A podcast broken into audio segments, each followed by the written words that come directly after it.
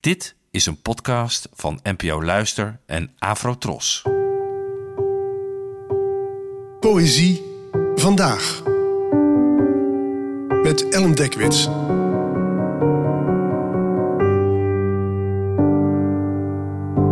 Hallo, fijn dat je luistert. Het gedicht van vandaag heet Hij neemt me mee, ik ben niet weerloos van de Vlaamse dichteres Delphine Lecomte, geboren in 1978. Hij neemt me mee, ik ben niet weerloos. Hij neemt me mee, ik ben negen en vreed.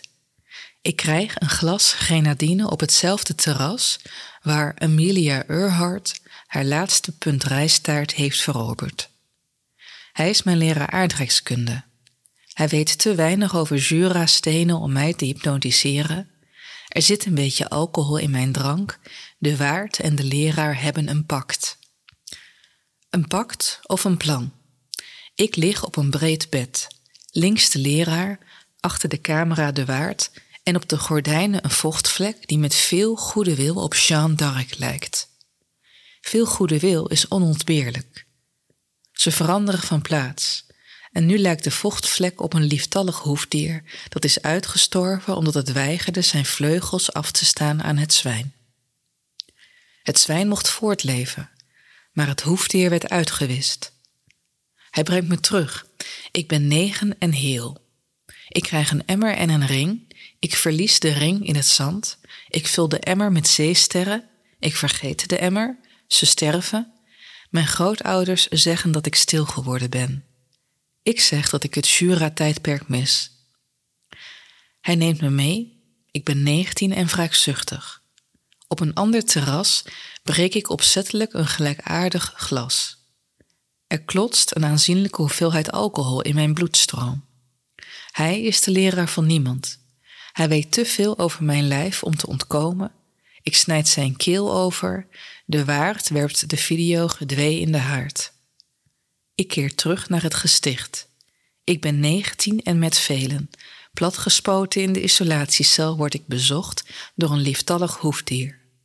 Ze kan nooit sterven, ze kan nooit niet vliegen, ze mag mij altijd meenemen.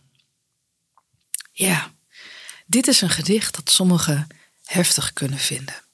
En wat is er aan de hand? Er is een kind van negen dat wordt meegenomen op hetzelfde terras waar ooit de beroemde, verdwenen Amerikaanse pilote Amelia Earhart haar laatste rijstaartje at. Daar krijgt het kind grenadine met alcohol. De waard en de leraar spelen onder één hoedje en tussen de regels door wordt de suggestie van misbruik gewekt dat ook nog eens wordt gefilmd. Het kind verliest zich vervolgens in haar fantasie, ziet op de muur een vochtvlek die, als ze echt moeite doet, staat er, op Jeanne d'Arc lijkt, die net zoals Amelia Earhart een vrouw was, die excelleerde in een wereld die voorheen voor mannen was weggelegd. Het is moeilijk om van de vochtvlek Jeanne d'Arc te maken. Alleen, zo valt het te lezen, met veel goede wil is het mogelijk. En verderop staat ook nog eens dat veel goede wil onontbeerlijk is. En weet je, goede wil is vaak een vorm van verbeelding. Het is een keuze hoe je de dingen om je heen opvat en interpreteert. De vochtvlek verandert vervolgens in een lieftallig hoefdier, dat er niet meer is omdat haar vleugels weigerde af te staan aan het zwijn. En dat is een heel belangrijk detail voor de duiding, een detail dat verderop terugkomt, want het zwijn in kwestie leeft en lijkt te staan voor de man die het kind misbruikte. En het hoefdier, dat voor mij staat voor de onschuld van het kind, is verdwenen door alles wat er is gebeurd. En dan is er die wending. Halverwege het gedicht is het kind opeens 19 en zo beschadigd door het gebeurde dat ze iemand doodt.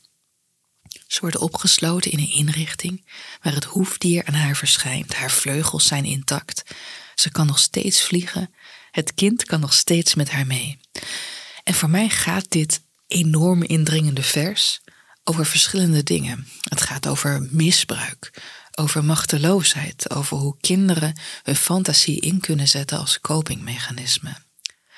En dat zorgt allemaal na afloop voor ambiguë gevoelens bij de lezer, want de fantasie slaat, wanneer het kind volwassen is, door alle beschadiging zo op hol dat ze van overlevingsstrategie overgaat in gekte.